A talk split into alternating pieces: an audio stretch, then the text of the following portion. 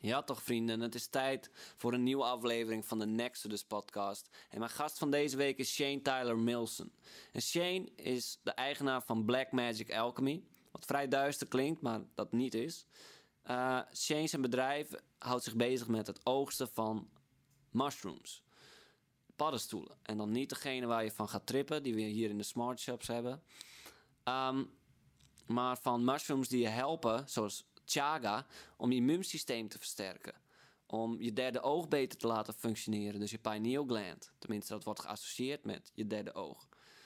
Maar ook om bacteriën en virussen te doden. Hmm, misschien bruikbaar, I don't know, voor deze tijd.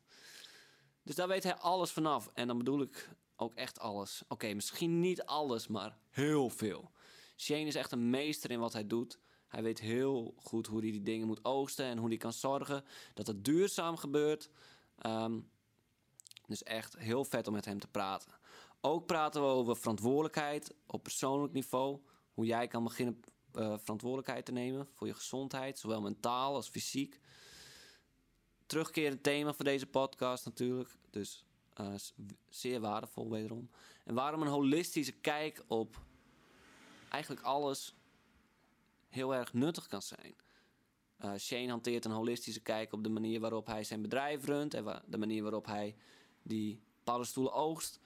Uh, zoals ik al zei, om te zorgen dat het uh, duurzaam gebeurt. Maar ook op de tijdstippen waarop hij dat doet en de andere invloeden die van belang zijn bij dat proces.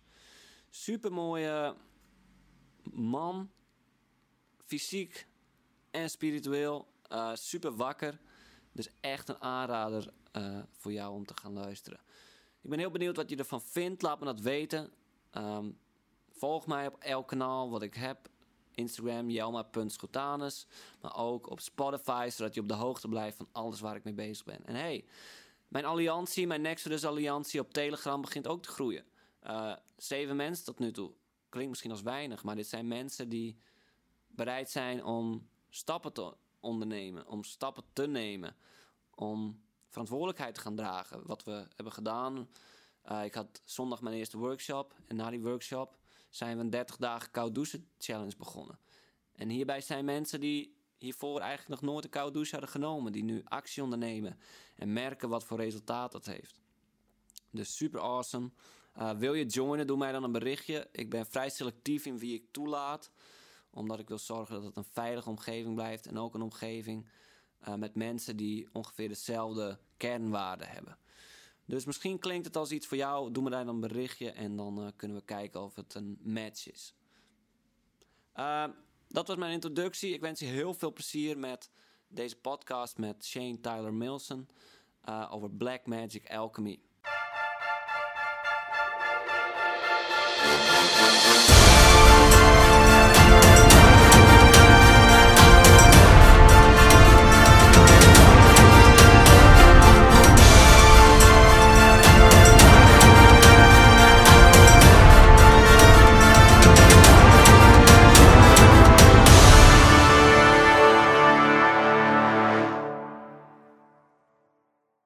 So, Shane Tyler Milson, uh, very happy to have you in my Nexodus podcast. Thank you for joining me. Thank you. Awesome, man. So, you're the owner of a company called Black Magic Alchemy. Um, That's right. Can you tell uh, the listeners a bit about what that is and uh, what it is you do? Absolutely. So, I actually have a specimen too to show the audience. So, this is my company right here, basically. This is a wild chaga mushroom. This is the rarest mushroom in the world.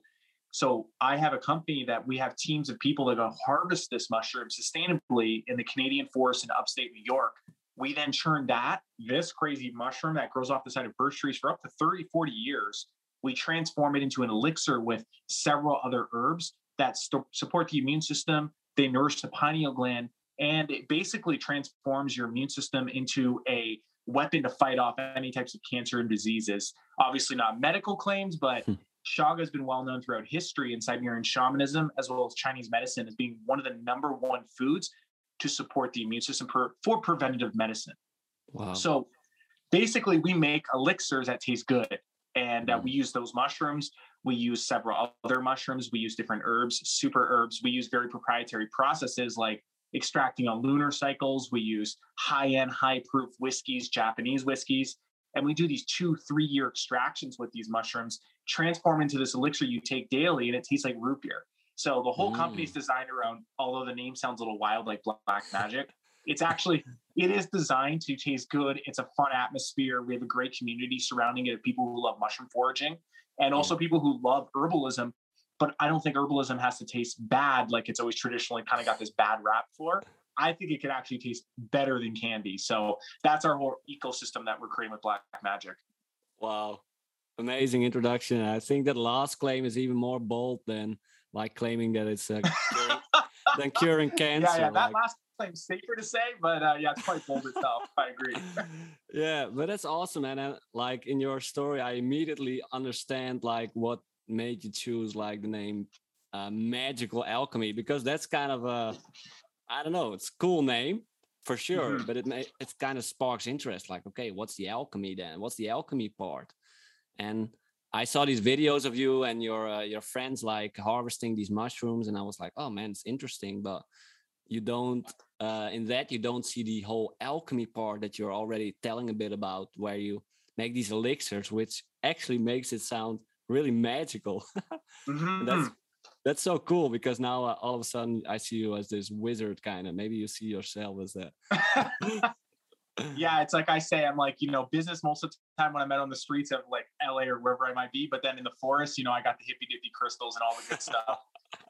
you're I mean, walking yeah, like you're walking like Gandalf that? through the forest. it really is. I mean, it becomes a very mystical process when you're in the forest because a lot of it comes down to there's there's splits in the community of mushroom hunting. On one side, you have mycology, where people are very deep into the science and the genus and the families of mushrooms and you know like what is also in chagas genus what is in reishis they're obsessed with that. And then there's another side that's probably more like the venice beach kind of person who's mm-hmm. way more into it for the connection with nature the feeling of going back to how our ancestors used to forage. And less about the science not that the science isn't intertwined but more of a communal mix between the two and that's what we try to honor is we want to have the experience of going in the forest barefoot, touching the trees, but then also having a very deep scientific understanding of how to extract this. And a lot of it does look like the witch in the cauldron making these elixirs and doing them on lunar cycles. So there's a lot of magic and there's a lot of science, and we're bringing them together because they shouldn't be two separate arenas. They really should be intertwined. Mm, that's awesome. Yeah, because you often see people who like fall into more of one category, right? Mm-hmm. Uh, in the Netherlands, because I'm from the Netherlands, we have this saying. It makes no sense probably in, in English, but uh, these people are wearing socks made of goat wool. You know. Interesting. Okay. What yeah, does this so, mean? Yeah, so they're like, okay, that's a goat wool sock type, and that's someone who's like hippy dippy and just like the clouds and really airy, you know. And uh, then there's that's like you say the other side where people are like really scientific and down to earth, but those two don't have to like contradict each other, right? They can like uh, work together. It's Precisely. awesome that that you find found a way to do that. So I want to really hear more in a bit about uh, these things it does for you. Uh, the way you say like uh, helps with uh, activating the pineal gland and your immune system. But first, I would be curious to know why did you become like the mushroom guy? Like why not the berry guy or the whatever right. guy? Well, for a period of time, I was the chocolate guy. I was a superfood and chocolate guy for a few years, but the mushroom thing really was a deeper thing. I could even say slightly in the DNA. My grandfather was the one who first introduced me to mushroom hunting when I was a teenager. Uh, I'm born and raised in Canada, and I would go spend time on my grandfather's farm. He has a farm that's in a very rural area, about 80 acres. He's got you know a flock of cows and chickens, like a true hobby farm that he basically runs himself. And during the summer, my parents would send myself and my brothers over to work with him for the whole summer. So we go stay at his house. We would be on the property helping him with the cows, putting in mm-hmm. fence posts, like all the things you do on a farm, right? Like operating tractors and such. And while I was on the farm with him, I got a really great opportunity to learn about mushroom hunting because he's from Italy. And in Italy and France, mushroom hunting could almost be like an Olympic sport because it's so, it's like what you see in North America where families generally get together and like they'll watch a movie together at nighttime when you're in like rural Italy or France or Greece, any of these areas, you'll see families will get together and actually pull off on the side of the road, to be, you know, a line of 15 to 20 cars. And you see families in the woods foraging with their mushroom hunting baskets. That's a real mm-hmm. love and a deep, deep reverence there for that. So my grandfather grew up in that environment and brought that knowledge over to Canada, where Canada is one of the best places for mushrooms because of the diversity of the forests here. You have birch mm-hmm. forest, hemlock forest, pine, hardwood. You have such a variety, such unique biodiversity that you end up getting a lot of different mushroom species there. So mm-hmm. I would spend that time with my grandfather in the summer doing the farm work, but also learning about mushroom hunting. And that stuck with me in my heart and mind. And uh, that was a really nostalgic experience for me growing up. I really enjoyed that. And then later on, that came to play a part when I was in my early 20s. I got exposed to mushrooms again through the form of superfoods. Instead of foraging morels and chanterelles or lobster mushrooms for the plate for culinary experience, I started learning about chaga and reishi and lion's mane and all the different mushrooms that exist in the medicinal sphere. I started understanding the benefits and the depth of knowledge and wisdom that goes back through all of our generations, as uh, all the way back to pickers and foragers and hunters. Mm-hmm. So when I started learning about the diversity that exists in medicinal mushrooms and the benefits they had, that got me really excited. So I took on the mushroom hunter experience when I was in my early 20s from kind of that early play back in my teenage years with my grandfather. So to me, it felt very clandestine and it felt like in a way that it was destiny for that to occur mm. because why would I otherwise get that unique training as a teenager? so that's where it almost felt like it was fate that I would end up doing this in some later point in my life. Yeah. Wow, what an amazing story. And yeah, man, that's like so interesting that you that things seem to be lining up for you to start like uh going into that that uh, business so mm-hmm. um let me see um you earlier you said uh that uh you harvest these mushrooms and you learned how to do that and you do that in a like a sustainable way and mm-hmm. what does that mean for you because i can imagine yeah. that some of these mushrooms are like uh like rare.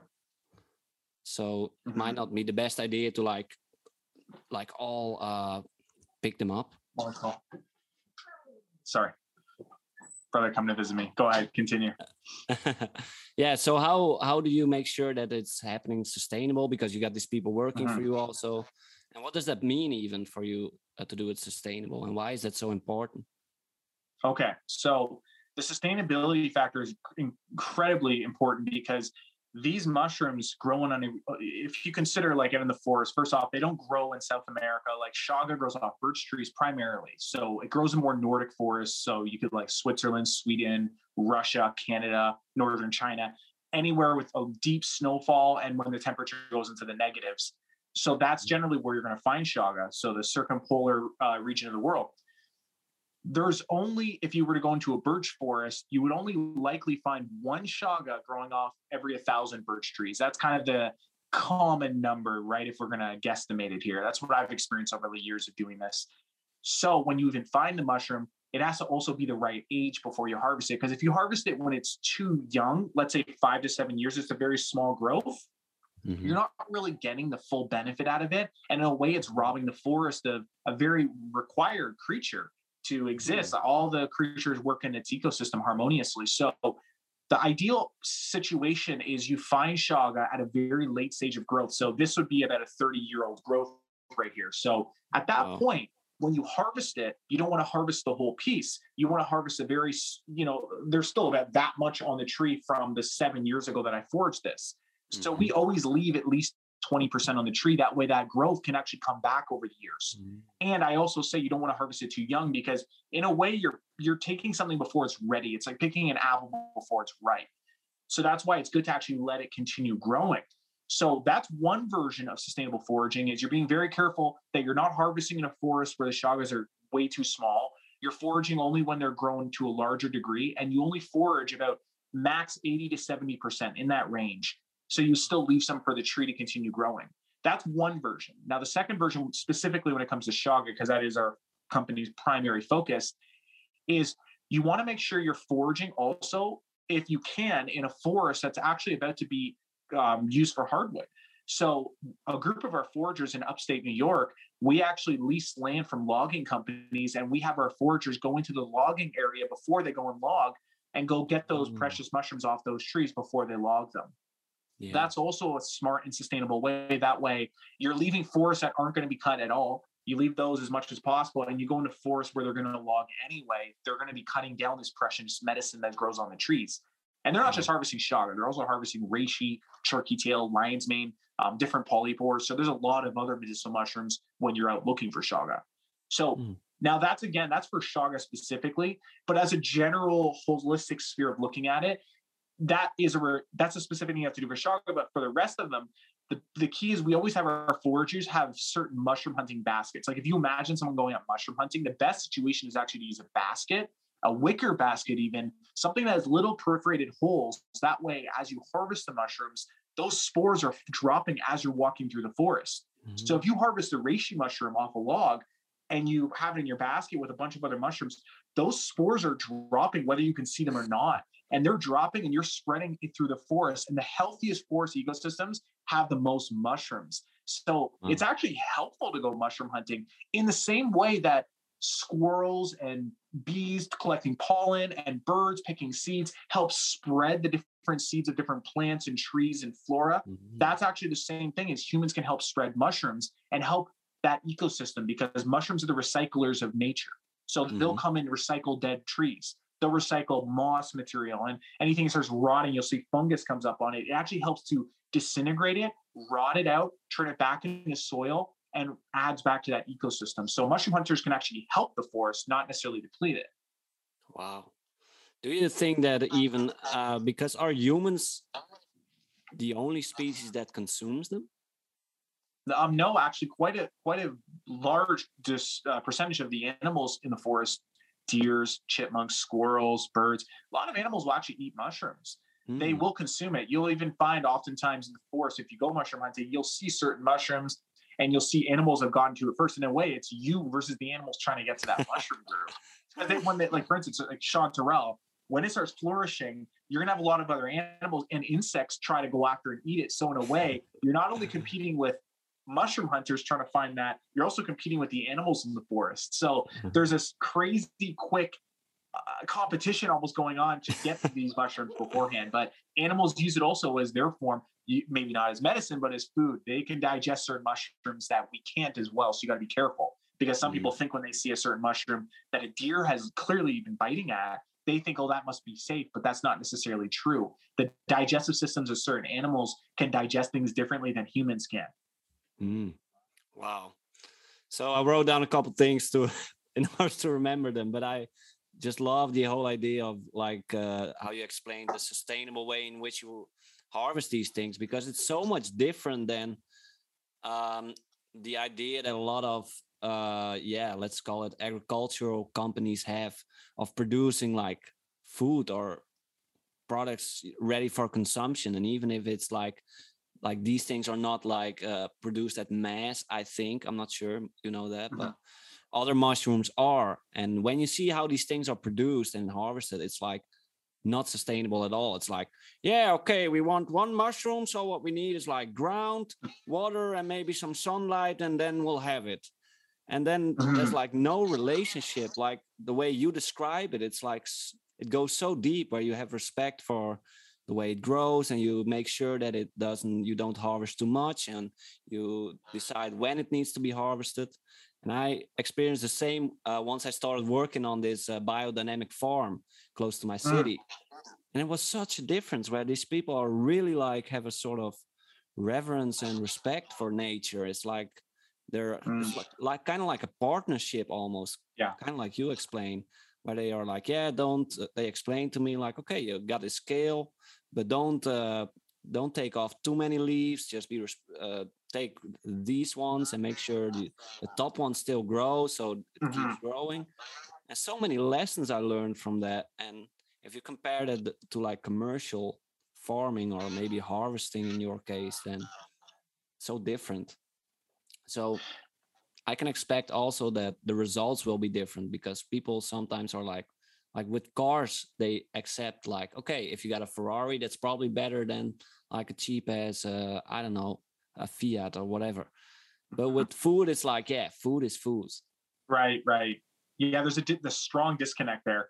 People don't really understand that and they will understand it as time goes on and the food system as you can see is getting depleted so badly right now with genetic modifications and the the type of spraying and chemicalization and fertilizers are using the food is just so depleted on that side of the track versus if you start to look at the prevalence now of biodynamic uh, agriculture starting to flourish mm-hmm. the difference in flavor is becoming more and more there's this the disparity between the two is becoming quite large it's becoming very mm-hmm. noticeable and you know people always say why is food in italy and france and europe so much better than america mm-hmm. well it's because in generally in europe uh, from my experience, the food is grown in a way that actually honors nature. It's very much biodynamic and organic. It's working very much with the seasons. It's not trying to force things from nature, but actually working with it. It's changing the crops and rotating the soil. There's so many different degrees added into that process of foraging and um, and planting and growing. So the that same respect is not really always carried over in the United States. So the mm. food is just such a different quality. The the water that's being used is not chemicalized water. The, mm. the every aspect's almost completely different. That's why that food tastes so good. So I feel that naturally would be a consequence to start occurring that when you let's say you you're eating all organic and biodynamic and you have friends over who don't normally eat like that and suddenly they have a bowl of pasta that you've made with tomatoes grown in Italian soil and the best organic you know, uh, teff noodles you can possibly find, and the water you use to even cook it, spring water. And the salt is the best salt from Sicily. And you make this delicious pasta with the best olive oil, like a $30 bottle of biodynamic olive oil that's like gold. You barely use any, but it tastes so flourishing. When they try that pasta, they're going to wonder why that tastes so much better than their one at home with genetically modified greens, with the tomato sauce from Primo that's been sprayed to holy hells, fish genetics infused into the skin and they're going to mm. eat that, they're going to notice the difference. So I think it'll become more clear over time. But that is a great analogy that people automatically assume material things like a Ferrari. They'll say that, well, of course, that's better than a Fiat. They can see that. But for some strange reason, there's still this weird slant negatively towards organic foods is not really worth the price. Mm. And uh, ultimately, that's something that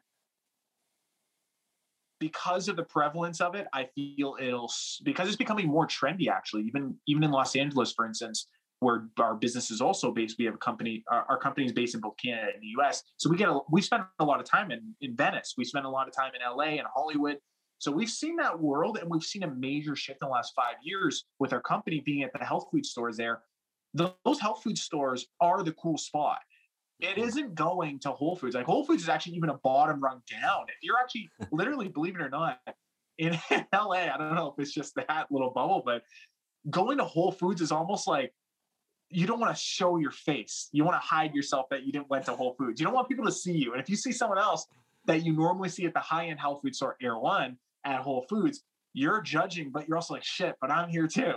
So yeah. it becomes the cool spot where you start seeing celebrities there. There's a whole trendy nature. And I think LA, just like you could say Silicon Valley might be like five, ten years ahead in the technology sphere and, and investments in VCs, that's ahead of the world. And Los Angeles is ahead five years, what I would say most of the world to what's going on in the health sphere. And I mm-hmm. notice that because I travel a lot. So when I come back and visit places like Toronto to visit family, or I go anywhere in the, else in the US, I suddenly noticed a couple years after those trends have kicked off, like medicinal mushrooms in Hollywood and LA, suddenly a couple of years later, you start noticing around the rest of the US. Mm. So the hmm. trend of health foods being actually the cool, trendy thing showing up in LA, I feel is actually going to translate very soon. It's a, it's kind of like seeing the future of what's coming. Yeah. Well, that's that's a a good uh, development, I think. Um, and it's needed because you apparently like you say in uh, the us it's even worse than like in Europe. But and I think in here in the Netherlands and other countries, it's also not that good. Like for example, you know, ever heard of uh, Demeter? Like the, sounds familiar. It's like the the uh, what's the word? The label you get. Uh, the I'm not. I'm I'm having a brain fart, but you get this label of being certified certification Okay. When you produce in a certain way that's biodynamical. Okay, so, got it. Got it's it. really hard to get. You need to your soil needs to be clean for like 10 years or something. You're not allowed to use any chemicals. Uh, you need to change uh, the crops all the time, you know, no monocrops and all that stuff. Right. So that's kind of hard, but it's if you look at it, it's like also really lo- the logical choice. So Mhm. the only option that will be like really correct, just like the way you harvest your mushrooms, it's like, yeah, okay, it's a lot of work, but it's also like the most logical option and kind of the only logical option, maybe. But like Right. I I heard the guy who I work for the farm, and he said like one percent of farms in my province is like biodynamical, and there's a lot, a lot of farms here. Wow. One percent, and I noticed it because I was looking for that uh, certification specifically, and I found like two, like two Wow, farms, wow.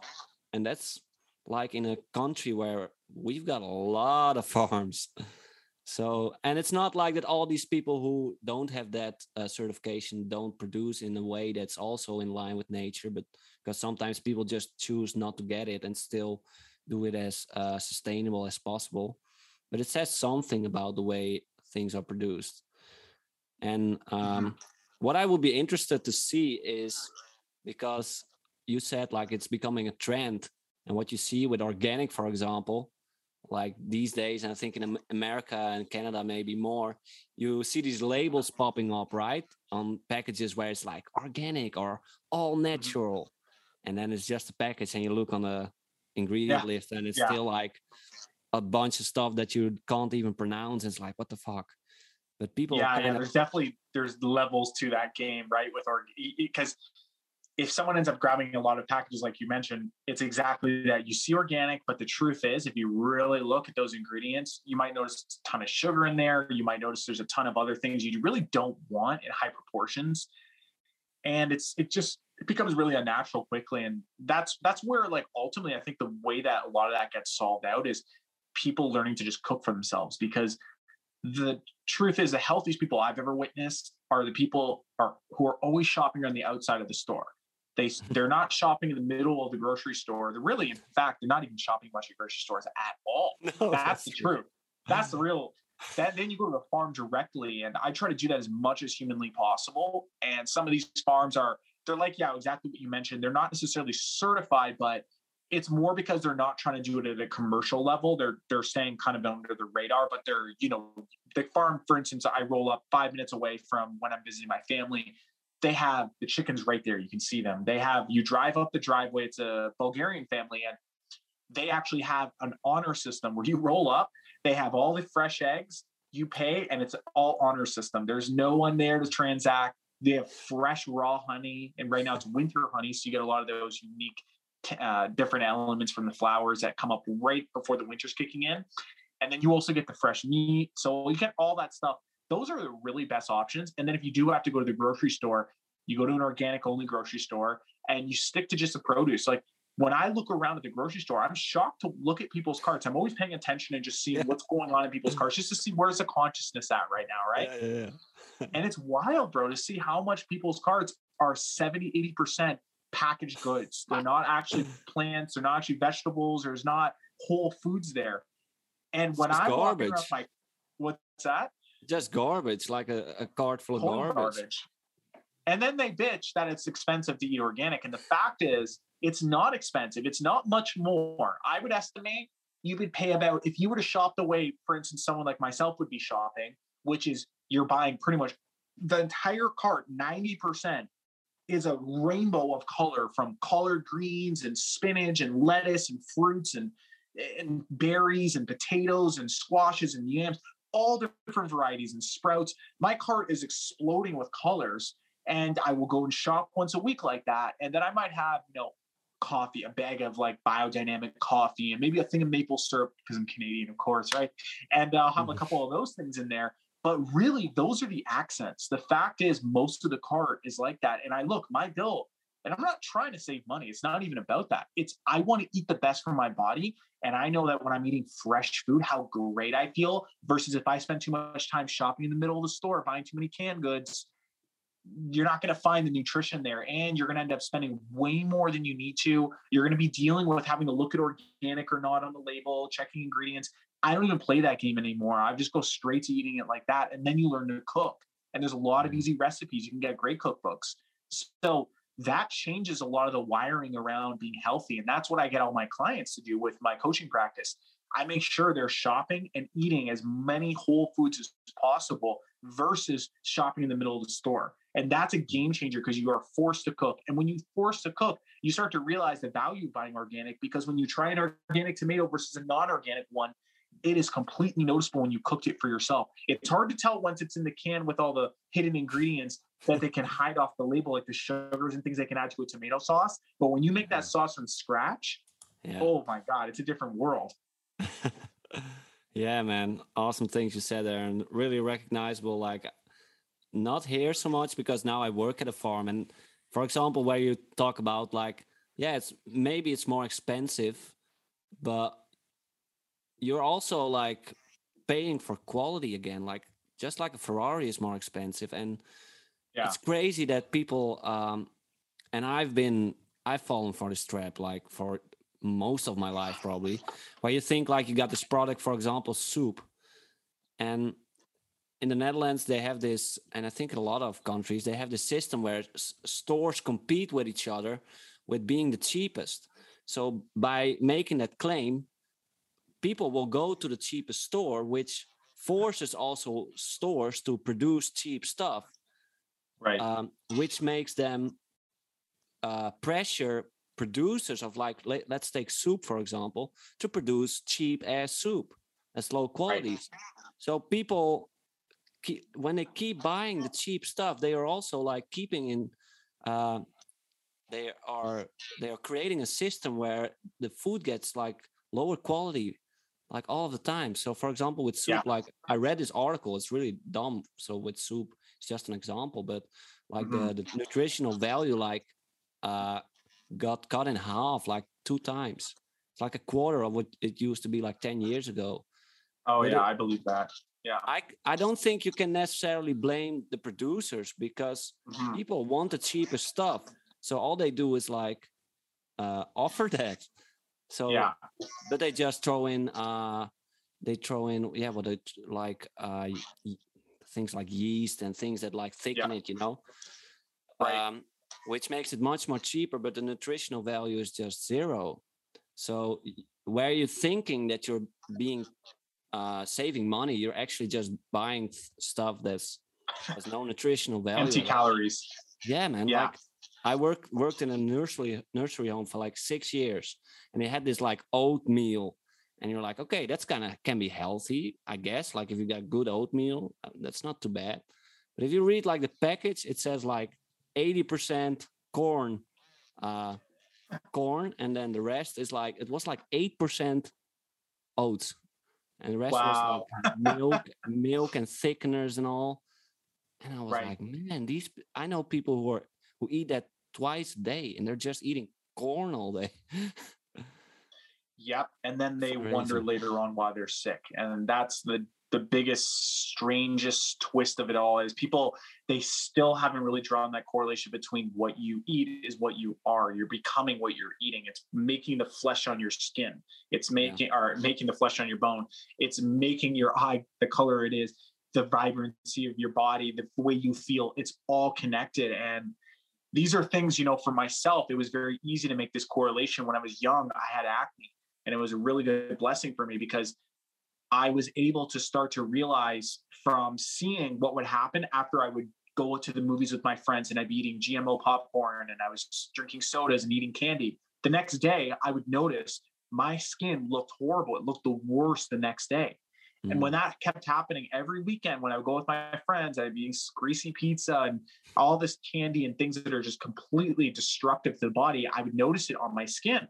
So that started making me very self conscious and started becoming um, something I could notice every time it happened. That gave me the correlation because of how painful it was to walk around and feel like, oh, I, I hate the way my skin looks.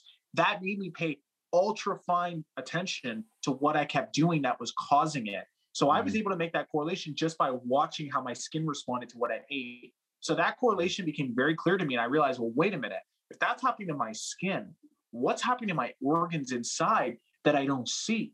Mm. Right? This is just on the outside. And by the time it hits the skin layer, that means it's done some damage to the liver and the intestinal tract. So that's something a lot of people like in in a large way. I look at that as a massive blessing that I had that at a young age when I was in my late teens. I was having a lot of acne issues because it helped me see a visual description of what was going on.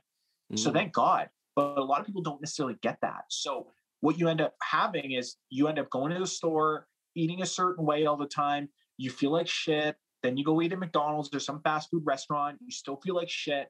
And you just get looped into the spiral where you actually never come up for air. You actually don't know how good it is. If by accident you one day take a supplement that makes you feel a little bit better, it actually can almost make you feel a little bit better. But then you're like, I'm too addicted to the pain of the shitty food, mm. and you want to go back in. It's a symptom. Mm. How someone eats is a hygiene standard. So when someone eats like crap and they're eating foods with corn or high sugar contents or homogenized pasteurized milk and cheese, and they're eating all these things that are not serving them, that's actually a hygiene on the inside that they're not recognizing as a hygiene factor because they're actually addicted to the pain that they're in. They're actually mm. addicted to the way that food makes them feel they're not actually ready to lift their head up and look around and see that it's potential to treat your body like a temple. And when you treat it like that, you treat the rest of your life like a temple. You don't let mm. Bad relationships enter your life. You don't let bad financial decisions happen to you. You don't make stupid decisions. You don't procrastinate as much when you're eating healthy. That's what mm. my observation is. Even people who I know that are extremely successful financially, but eat like shit, they have a lot of other messes in their life that they have not cleaned up. But when someone starts eating very much healthy, it's not a guarantee they'll be successful in every other region, but it's a lot more likely because if you don't even start with the body that you're living in and treating that well, what the hell are you going to do outside of that? That's like what mm. Jordan Peterson says. Uh, I don't know if you follow stuff, but I love what he says. He says, you, people are talking about going out and changing the world, but they haven't even made their bed that morning. They left the house, they didn't even make the bed. How the hell are you going to go change the economical system of the world? How are you going to go save children from starving in Africa? How are you going to solve diseases and help people learn how to fight? How are you guys doing this shit if you didn't even make your bet? That's just like a general one, right? So you got to make your bet inside your body, and that's the thing, right? It's once you get onto this track with eating healthy, you really do get addicted quickly because you feel good. You go into a positive momentum up instead of a negative momentum down. Mm. Yeah, man. Wow, lots of truth in there, and it's definitely true. And I love Jordan Peterson. I like. I think a week ago I got a tattoo of Rule Six of his the Twelve Rules for Life. Yeah, man. Because I need to be tattoo of it. Sorry, what?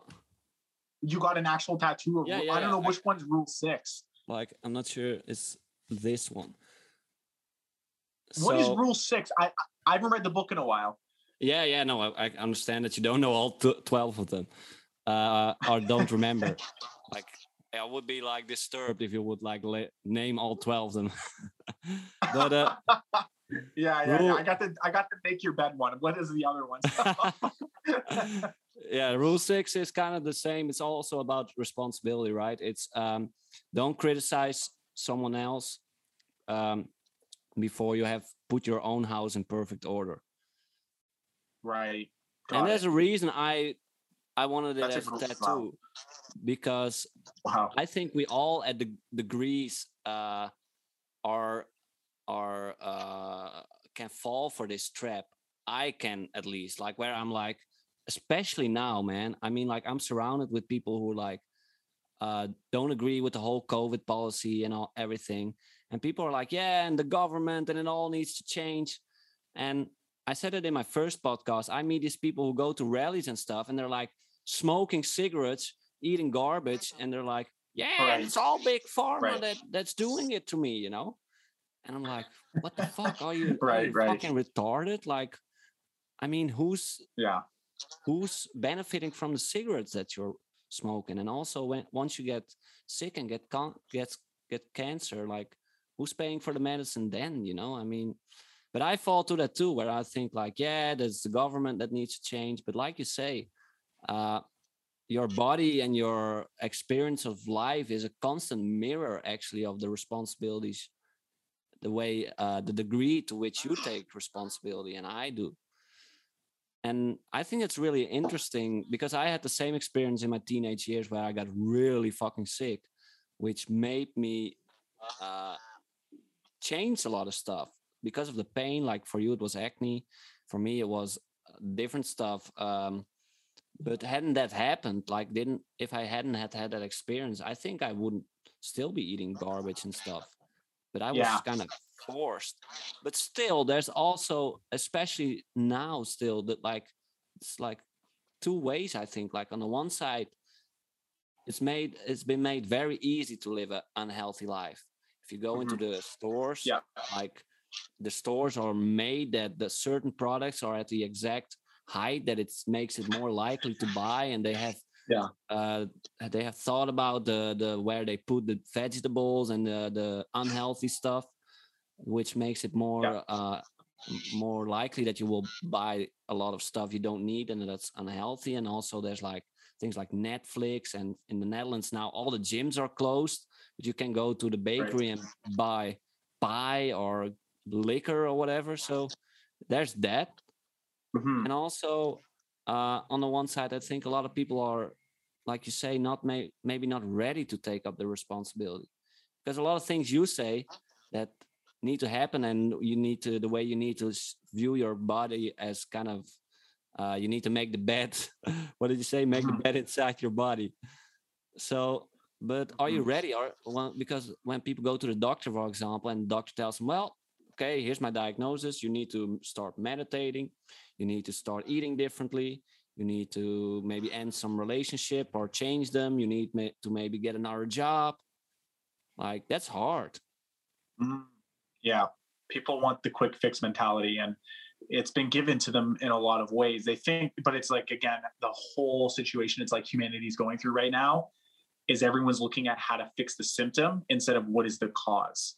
Mm. People are so obsessed with just just numbing themselves, numbing what the symptom is, so they can keep putting it off till later, keep putting it off till later. But some point later is going to come knocking, and that's when the all the times that you save money not buying organic, you're going to pay later on to some doctor. you Yeah. don't want to go through that experience, right? You don't want to be in their hands for that.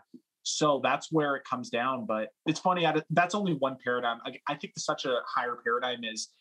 I used to say that a lot to people, like pay now or pay later. But then I realized, you know, it's not even this idea of paying, because Mhm. it, that's a one paradigm. A higher level paradigm is actually, but why wouldn't you want to feel good every day?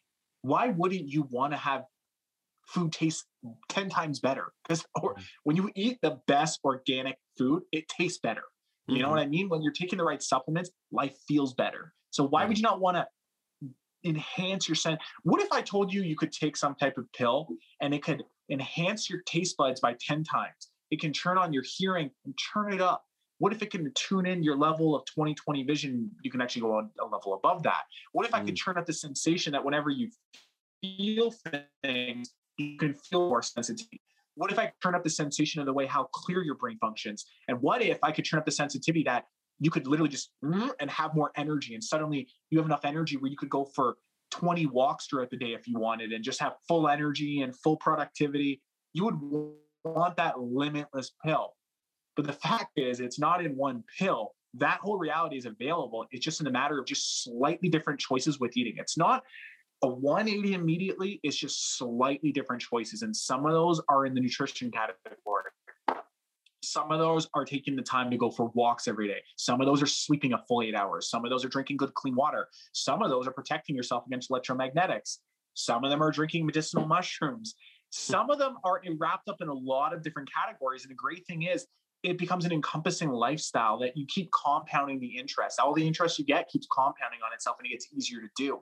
That's the Yeah. limitless pill is when you're eating organic and you're doing all these things, you do Mhm. taste foods better. I have not met a single person that eats clean and eats the way we're talking about or lives the way we're, we're referencing as like a holistic person would live, taking responsibility that hasn't made the comment that they can't imagine going back to the way they used to live, the way they used to eat, the ways to think and living there and enjoying it. Because once mm-hmm. you're at that new place you don't want to go back because foods do taste better your eyesight's better you feel better you're energized you don't have Mm. fear running through your body like am i going to get sick am i going to catch some virus in the air you don't care you're like if something comes my way, I can handle it. I'm trained for it. I've done the preventative measures because at some point it's going to come knocking for everyone. It's like people think they're going to avoid this virus, they're going to avoid COVID. Bro, no one's avoiding it. Everyone's hmm. getting it. There's no way, unless you live in the middle of some forest, you don't have any human contact. At some point, everyone's getting it. It's a matter of what you do when you get it. And it matters also how strong your immune system is once you've caught it. So there's a lot of factors there that it's like people are so scared of catching something. But when you're healthy and you've been doing it for years and you've been focusing on it or taking the right steps, you're not afraid. And mm. living in fear is a hell on earth. It's a it's it's dying before you're even alive. Hmm. Yeah, I remember a bit of like how I felt in the beginning of uh, like week one of flatten the curve, where we're now in year three or four, I forgot. but uh, yeah, like in the beginning, I totally fell for the narrative, bro. I was like, I, I saw these videos of people dying in the streets, and I was like, fuck, man, it totally got me. Even though I was like, like very eating quite healthy already, and uh, being really critical of like uh, of of Western medicine a bit uh, through my experiences, and so I thought I was kind of awake, but uh, still it got to me. So I can imagine uh, people being scared, and I think maybe media is not doing the best of uh, the best job of like uh, like giving people uh, hope. No, that's not the word. Like calming them and like offering alternatives because what we're mm-hmm. talking about a lot here is also like that mirror isn't yeah sorry do you, got, do you got some time left because we're almost like an hour in but oh yeah i, I probably got like five ten more minutes. Yeah i'm getting the right, signals right. yeah, yeah. yeah sure.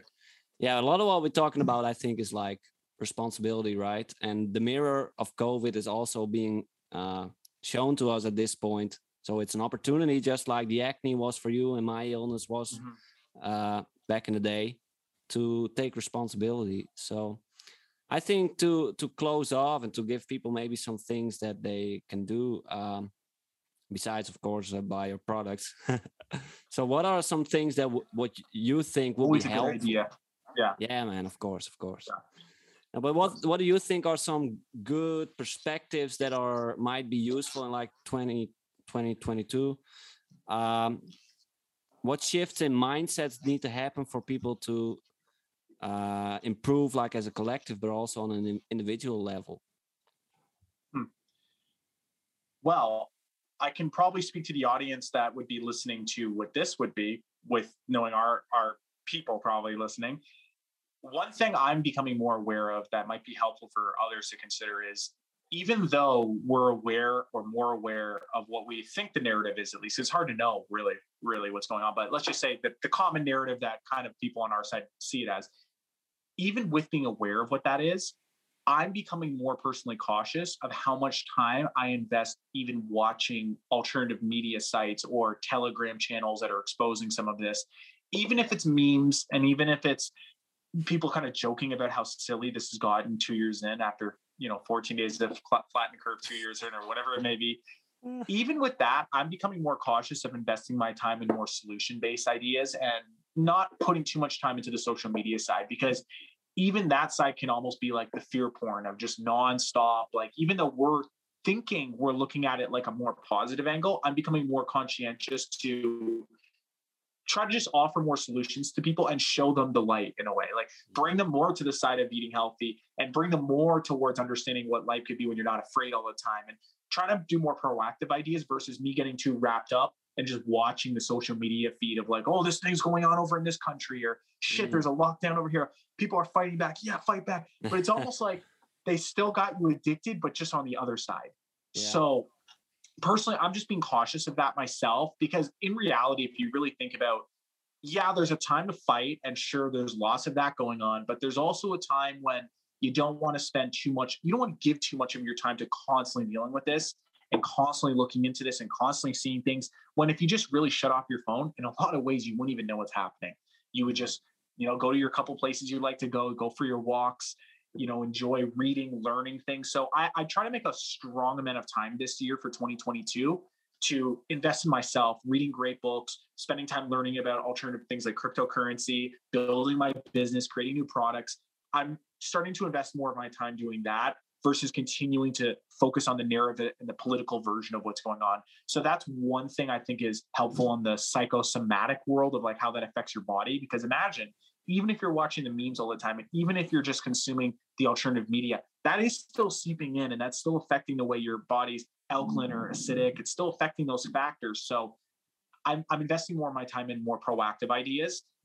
Secondly, I would say it's back to the basics with a lot of things like if you feel like you're about to like it's not to say like if you're completely healthy you still aren't going to come down with something. I know a lot of people in the sphere who are badass with holistic health naturopathic doctors homeopathic doctors. You know they're even starting to come down with certain things but it's like just not slipping away from the basics. And the basics to me are you need clean water you need to have fresh air every single day. So going for walks moving your body as nature intended you're making sure you're eating clean foods, mostly whole foods that you're cooking fresh. You're going back to those very basic fundamentals. You're not spending too much time on the phone. You're doing those fundamentals, you're going to be in a much better place. And even looking at how can I pump my body up in a way where, for instance, I got an ozone machine behind me right now running. So it's like I've been doing a lot of extra things. I'm like, you know what? While everyone's scared and thinking they need to triple, quadruple, five times their mask outputs, or they need to get, you know, their fourth. I'm like, okay, you know what? Instead, I'm just gonna say, well, I'll ride the wave of like the emotion, like, oh, it's so scary. And it's like, I'll just go get some great things for myself I've been wanting to get for years. I'll grab an ozone machine, I'll grab a shower filter. So I've been also spending time doing that. I think those are the key things that I would say for 2022 would make a big difference for pretty much anyone's life getting the ba- basics mastered, not spending too much time on this stuff, and then even looking into more advanced things like open your knowledge set. And that will help a lot of people because if people start seeing what I see happen like Los Angeles with the health food stores, that that's actually the cool shit. That's yeah. actually the way to go. If they see enough people that are on that board and on that track and not relying on the pharmaceutical industry, not relying on the government for their health, taking full responsibility, rule six or five, what was yeah, it? Yeah, six, bro. Yeah. Rule six. If people understand rule six and they take that by watching and seeing, wow, that other person, it's been now two years, they didn't get sick, they're not dead, they look better than ever, they're healthy and they're happy, and they're not walking around all the time in fear. Well, what are they doing differently? At some point, maybe it's another year of this, at some point, though, hopefully, God hope, right? Prayers. they're going to say, What the heck are they doing? And that's when you want to be able to give those people the realization mm. of like, yeah, you can actually just take nutritional supplements. Yeah, you can take these things. You don't need to go that other route. This other mm. route that we've gone, this other side of the pendulum, I think yeah. is becoming more and more, more and more proactive and looking like the better option right now to a lot of people. Hmm. That's awesome, man. Like you listed a lot of my 2022 goals uh, in there because I was that guy like posting memes all the time and like being enraged by everything and think like, I need to show this to people. People need to hear this. Like, yeah, yeah, yeah. Everyone thinks that. yeah. So, and for this year, I was like, okay, man, I just want to focus on the solutions. And what I noticed, like in two weeks, it's like, it, people say like, yeah, did you hear this and this? I'm like, no, like, and I'm not not up to date at all, and feels awesome. so, uh, yeah, yeah, that's great, man. Thank you. And United, thank you. and that's yes, that's even like United non-compliance. The whole idea of like, not only will I not comply, like you know, just as one last piece there to that, to what you said there. I won't shop at stores that are making it where you have to have a Vax Pass to shop at. I'm never going to support those restaurants. I'm never going to support those cafes. I'm never going to support those movie theaters. Any place that has done that, as far as I'm concerned, has done complete discrimination and segregation. So I'm not supporting them. They'll never get my money again. I'll pull out every dollar I can. I'll make it nearly mm. impossible for that ever to happen that I'll invest in a company like that. Because every dollar you spend is an investment into that company yeah. and into that belief structure and philosophy. So, Absolutely. well, a lot of people are doing that. So if enough people do that, suddenly their bottom line hurts. Mm. And if you start to now reinvest in the companies that are actually doing the right thing, that's a big thing. So those are active approaches, right? But what yeah. I also like is the united non-compliance idea, which is guess what? I'm not going to participate not only in not going to those the commerce side, I'm also not going to participate with my attention. I'm not going to give my attention even to what's going on on the alternative media side. And it's not to say 100%, I don't believe in that like completely like I'm not going to pick it's like, yeah, sure, maybe a little just to have an understanding of where the kind of trend is moving, Mhm. but not spend if you're spending, you know, eh, you know, 30, 40 times a day opening up. And by the way, I'm just as guilty of doing this shit. So I'm not saying something that's like I'm the saint on. That's what I'm working on for 2022 and passing and getting out of that. And I've already felt the loop of letting that go. It's like, ooh, it's a little hypnotic. You almost want to keep checking. Yeah. So I've noticed I'm not even giving my attention to that. I'm literally, it's like it doesn't fucking exist to me. I'm I'm in my own study right now. I'm in my own philosophy. I'm growing and getting better. I'm doing what I need to do to grow for myself, for my family, for building my business, my ecosystem, and building a culture around that that naturally people will gravitate towards. It's like a magnet approach versus like pouring Mhm. gasoline on a fire that's already lit. There's enough people already going that way. I think there needs to be more people on the magnet approach, magnetically pulling people into a higher vibration with their food, their thoughts, their lifestyle. That's what I feel is a big change for 2022. Fuck yeah. Yeah, Fuck man. yeah. I love that, brother. Absolutely amazing. And thank you for uh, being an example of that, man.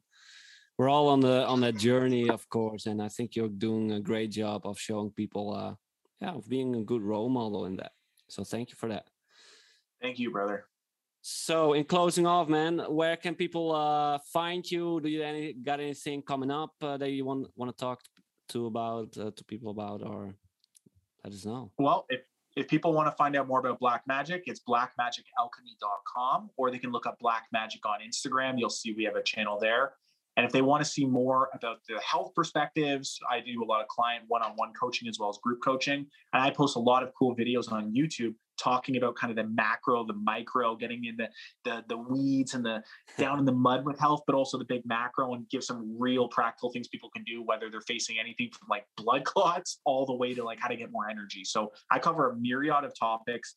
And I also like to bring people on my YouTube channel, which is Shane Tyler Milson. I like to bring them out into the forest, into the world. So I do a lot of traveling and I post a lot of those videos talking about these ideas. So you can find me, Shane Tyler Milson, on YouTube or look up Black Magic Alchemy. You'll get some of those.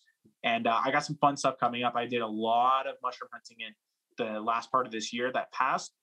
So I got a lot of cool videos going in the forest showing people the best mushrooms they can go get themselves if they want to forage, or just how to make crazy herbal concoctions that basically give you a massive advantage in terms of your level of mental clarity, your pineal gland, how you feel each day. So I cover a lot of that in the new videos. I'm about to be posting this actual week. I'm about to post one probably tomorrow. Oh wow, fucking awesome! I got lost in your YouTube channel today, and I was like, man, I need this is a whole new rabbit hole. but it's awesome, man. I can hi- I highly recommend it, man. So once again, Shane, thanks for uh, hopping on. I think we could do uh, another twenty podcasts probably and talk endlessly. But uh, thank you for your Mhm. time. Hope you're having a wonderful uh, 2022. And uh, Oh, you too, man. brother. Thank you for what you're doing, and let's do let's do a live call on one of the Instagrams uh, one day, on Instagram one day. We should do one of those too. Yeah, man, that will be awesome. Let's do that. Dat was dan de aflevering met Shane Tyler Milson van Black Magic Alchemy. Super toffe gast. En wat ik zo mooi vind is natuurlijk dat hij op een hele bewuste manier zijn werk doet. Dus niet plukt hij maar gewoon domweg die paddenstoelen van, eh, van de bomen af. eh, zonder na te denken en zonder te denken wat de consequenties zijn. Nee, hij kijkt echt van oké, welke bomen worden sowieso al omgehakt? Ehm, hoe oud is deze paddenstoel? Wat voor dag is het? En er zijn zoveel dingen waar hij rekening mee houdt. En dat is echt die holistische kijk die ik zo mooi vind. Eh, ook zeg maar als hij de maakt, dan kiest hij natuurlijk niet voor gewoon alcohol. En dan gaat hij dat niet gewoon met alcohol mixen. Maar hij kijkt echt naar wat is de beste alcohol die je kan krijgen. Eh, het beste water dat ik kan krijgen. Hij zorgt dat alles van topkwaliteit is. En dat is heel uniek, denk ik. En ik denk dat het nodig is. Ik denk dat we echt een holistische kijk nodig hebben. En bewuster moeten omgaan eh, met veel dingen. Bewustere keuzes moeten maken. Dus dat kan zijn dat je gaat kijken van... oké, eh, die producten die ik altijd koop in de supermarkt... eh, door wie worden die geproduceerd? En eh, wie zijn de aandeelhouders van dat soort bedrijven? En op wat voor manier produceren zij? Is dat duurzaam of niet? En ook de winkels waar ik naartoe ga, de supermarkten... Wat zijn, wie zit daarachter en wat voor agenda hebben die? En als je dat doet, dan kom je eigenlijk tot hele interessante ontdekkingen. Dus gaaf om dat met eh, Shane te bespreken. En het is voor mij ook een reis. Ik heb daar ook nog genoeg in te leren. Eh, genoeg bewustwording eh, wat nog kan plaatsvinden. Alright, voor nu was dit hem. Volgende week vrijdag weer een nieuwe episode. Uh, waarschijnlijk zit ik dan in Denemarken, ik hoop het. Um, waar ik wat mensen ga interviewen en mogelijk ook op een Wim Hof expeditie ga.